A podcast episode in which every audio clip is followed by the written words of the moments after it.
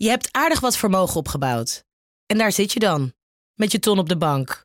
Wel een beetje saai, hè? Wil jij, als belegger, onderdeel zijn van het verleden of van de toekomst? Bridgefund is een slimme fintech die een brug slaat tussen de financiële behoeften van ondernemers en van beleggers. Dus wie belegt bij Bridgefund krijgt niet alleen een mooie vaste rente, maar brengt ook ondernemers in beweging. Echt waar, met die ton kan je zoveel betere dingen doen. Bridgefund. Make money smile.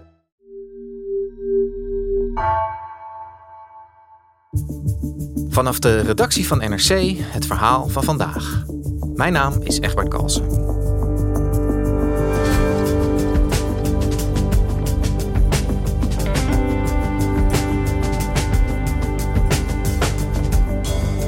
Sinds de Russische inval in Oekraïne woedt er een oorlog op het Europese continent. Tien jaar geleden ontving de Europese Unie nog de Nobelprijs voor de Vrede. Nu levert het wapens aan Oekraïne. EU-correspondent Clara van de Wiel ziet het karakter van Europa veranderen. Is de Unie nog wel een vredesproject of is ze eigenlijk op oorlogspad?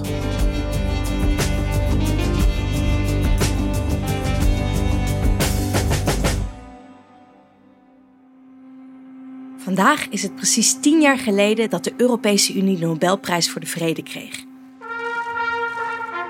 En uh, Herman van Rompuy, die was op dat moment voorzitter van de Europese Raad, die nam de prijs in ontvangst. It is with humility and gratitude that we stand here together to receive this award on behalf of the European Union.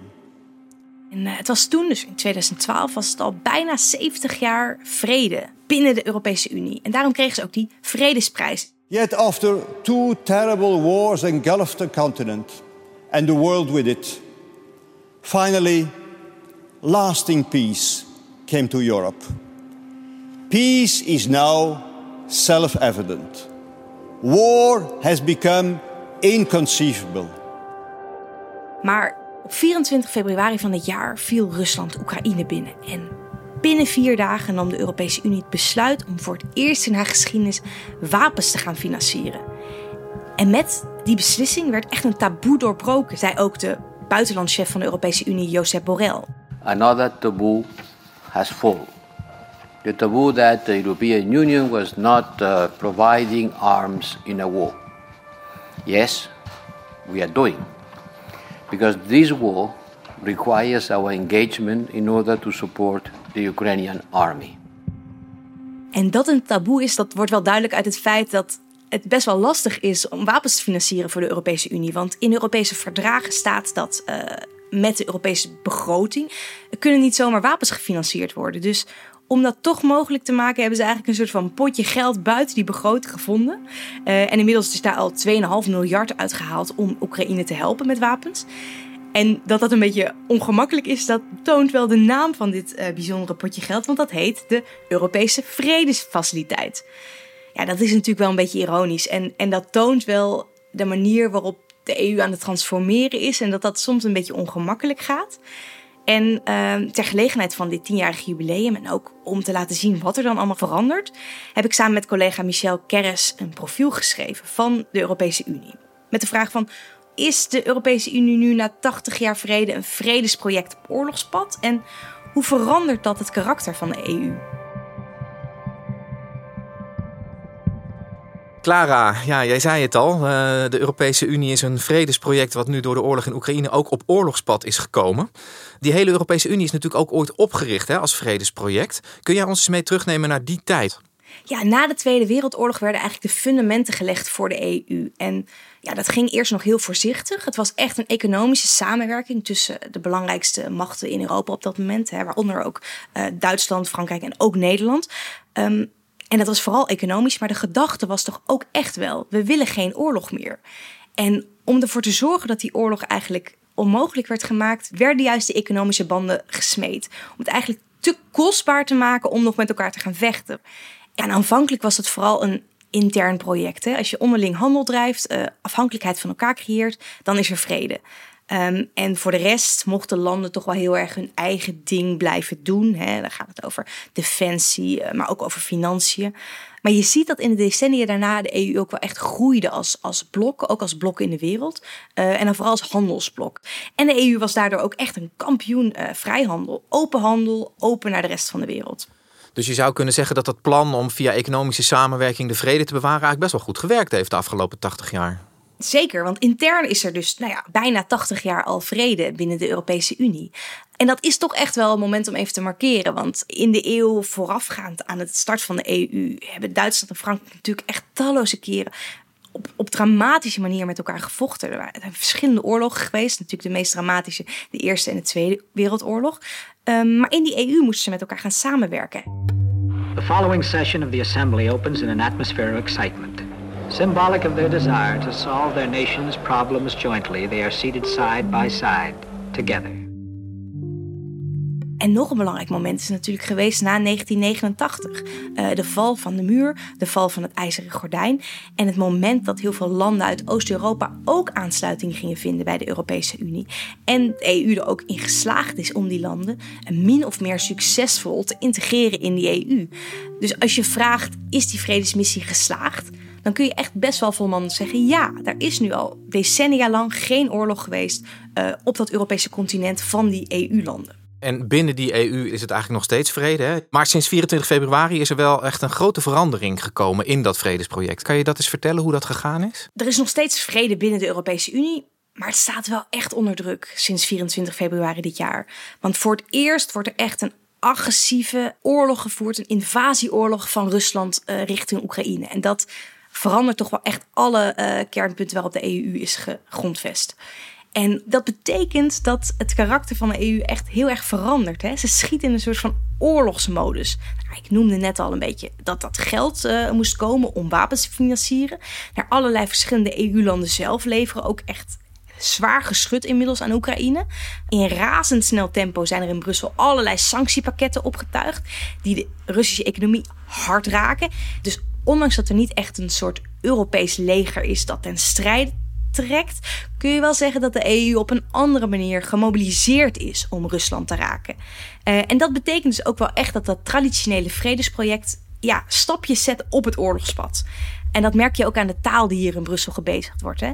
Ursula von der Leyen, de voorzitter van de Europese Commissie, die hoor je echt soms bijna oorlogsachtige taal uitslaan.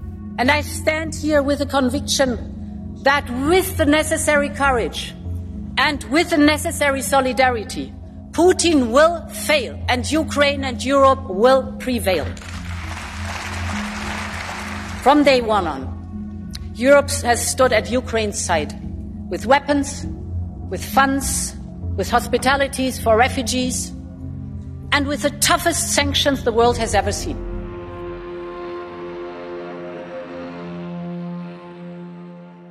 Clara, dat klinkt toch best wel tegenstrijdig wat we von der Leyen hier horen zeggen. Hè? Het, het vredesproject Europa wat wapens gaat leveren en militairen gaat trainen om eigenlijk deel te nemen aan een oorlog. Hoe, hoe zit dat? Ja, dat klinkt een beetje tegenstrijdig, maar het is ook niet vreemd dat de EU dat nu gaat doen. Want uh, ja, zo wordt het hier wel gezien. Hè. Door wapens te leveren uh, draagt de EU uiteindelijk juist bij aan de vrede. Uh, en dan noemt men hier wel het gezegde van, hè, als u vrede wil, moet u zich op oorlog voorbereiden. Dat toont wel dat die oorlog in de Oekraïne nu echt een soort van adrenaline shot is, waardoor dat vredesproject zich in snelterreinvaart moet aanpassen. Ja, een adrenaline shot, dat is een, eh, een mooie metafoor. Wat voor effecten heeft dat shot gehad? Wat heb jij zien veranderen de afgelopen maanden in de EU? Traditioneel was het zo dat die economische integratie weliswaar groot was, maar dat er ook wel echt vaak benadrukt werd dat op heel veel terreinen landen gewoon helemaal hun eigen ding mochten blijven doen. Um, maar je ziet wel dat dat de afgelopen tijd echt wel veranderd is. Hè? Dat er ook steeds meer ja, steun is om meer samen te gaan doen je ziet natuurlijk al dat uh, opeens die sanctiepakketten waar in het verleden echt ellenlang over onderhandeld werd, dat ging nu echt in een rotvaart. Hè? Binnen een paar maanden hadden we er al vijf achter de rug en we zitten inmiddels aan het achtste pakket en nog steeds wordt alles met unanimiteit aangenomen. Dat is echt heel erg nieuw. Dus dat toont een soort van gezindheid van de EU die je daarvoor niet zag. Um, maar ook echt meer fundamentele dingen zie je veranderen. Bijvoorbeeld, hoe kunnen we nou als EU nog veel beter samenwerken op militair terrein? Dat is een groot taboe, hè? Uh, een gezamenlijk Europees leger. Nou, daar schieten sommige mensen echt direct van in de stress. Uh, maar je ziet wel dat die discussie daarover echt in een sneltreinvaart is gekomen nu. Maar het heeft ook effecten op uh, de economische vrijhandelsbaken dat de EU traditioneel altijd was. Hè? Uh, open economie, voor iedereen openstaan. je ziet dat dat ook wel een beetje aan het veranderen is.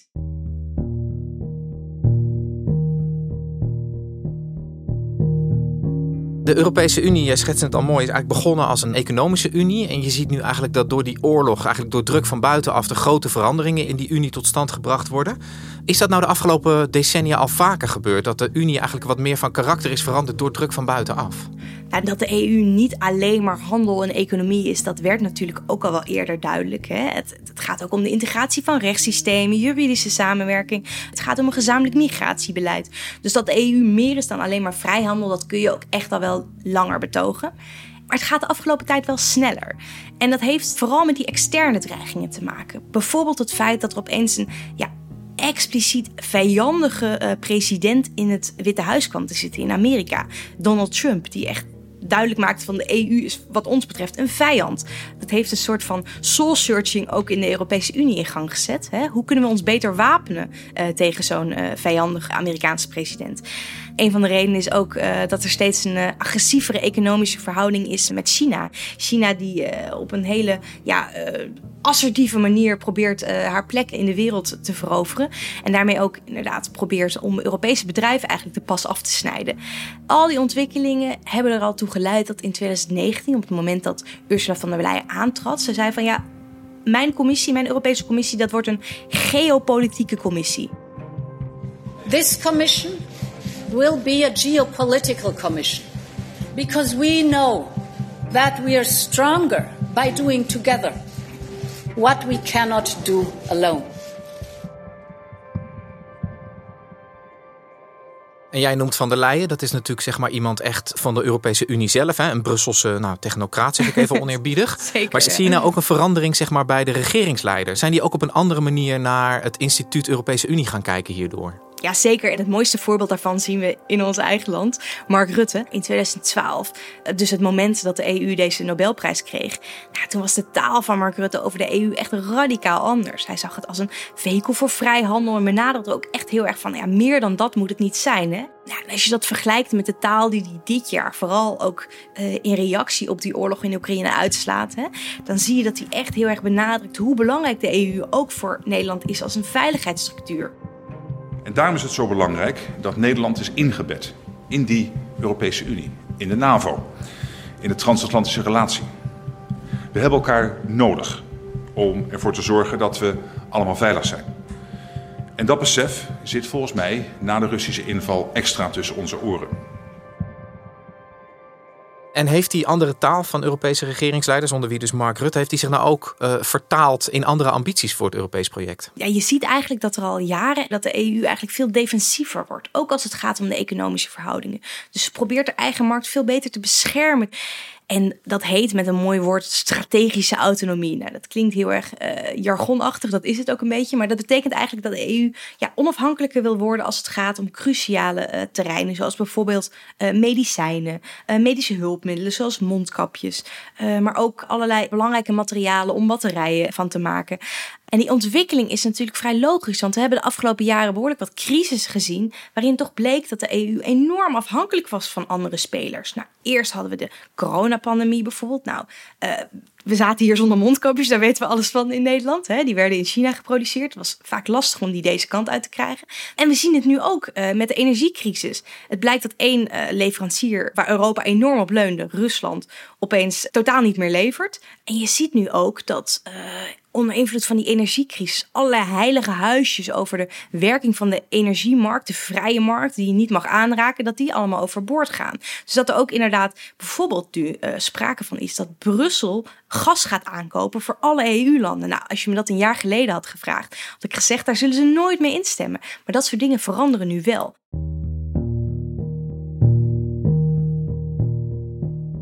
Het voelt een beetje alsof Europa eigenlijk altijd reageert op de veranderende wereld buiten. En, en zeg maar op dat soort momenten eigenlijk uh, ja, grote interne veranderingen ook voor elkaar weet te brengen. Hè? Hoe zie jij dat? Ja, dat is absoluut waar. En dat is inmiddels ook wel een beetje een cliché, maar wel heel erg waar. Europa verandert eigenlijk alleen als het echt moet, hè? als het water aan de lippen staat, op een echt crisismoment. Uh, dus dat zie je nu. En weten we eigenlijk hoe Europese burgers denken over die verdere integratie van het Europees project? Uh, uit barometers blijkt dat de steun voor de EU nog steeds groot is. Zeker ook in reactie op die oorlog in Oekraïne. Hè? Dat mensen zich realiseren van nou ja, de EU is onze belangrijkste beschermhuls eigenlijk tegen al dat soort vijandige machten in de wereld. Maar tegelijkertijd zie je nu ook, hè, nu de oorlog ook economische pijn begint te doen in Europa, dat er ook verzet ontstaat. Je ziet het bijvoorbeeld bij verkiezingsuitslagen in Zweden, waar rechtspopulisten fors hebben gewonnen. Ook in Italië, waar ook de radicaal rechtse partij van Giorgia Meloni uh, flink heeft gewonnen. Daarmee neemt ook wel de vrees hier in Brussel toe dat uh, uiteindelijk het toch een beetje te snel gaat allemaal. Um, en dat we ook wel echt de burgers moeten meenemen bij al die verandering waar de EU doorheen gaat.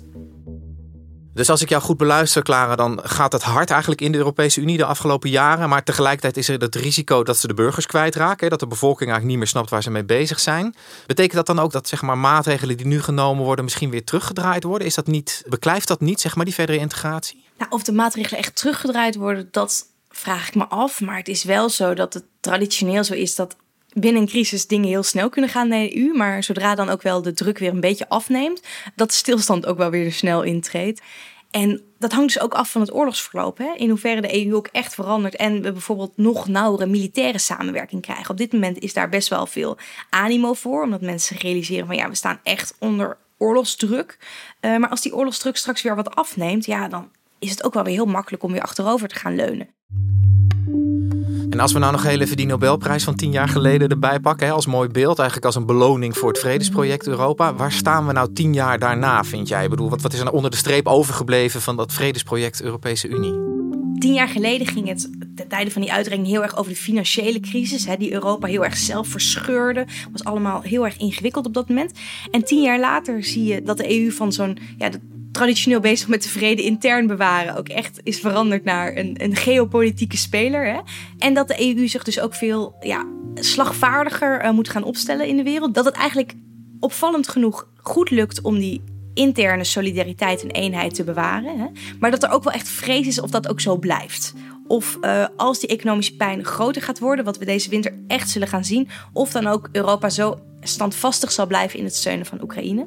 Het is echt een proef voor de EU, deze oorlog. Poetin stelt de Europese Unie echt op de proef. En die proef is nog lang niet voorbij. Dat sluit ook eigenlijk wel een beetje aan bij de woorden van Herman van Rompuy, tien jaar geleden, uh, toen hij die Nobelprijs voor de EU in ontvangst nam. So, where there was war, there is no peace. But another historic task now lies ahead of us: keeping peace where there is peace. After all, history is not a novel, a book we can close after a happy ending. We remain fully responsible for what is yet to come. Dankjewel, Clara. Graag gedaan, Egbert.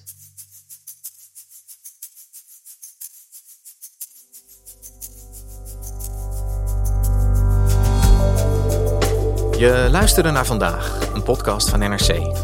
Eén verhaal, elke dag. Deze aflevering werd gemaakt door Nina van Hattem, Henk Ruigrok van de Werven en JP Geersing. Dit was vandaag. Morgen weer.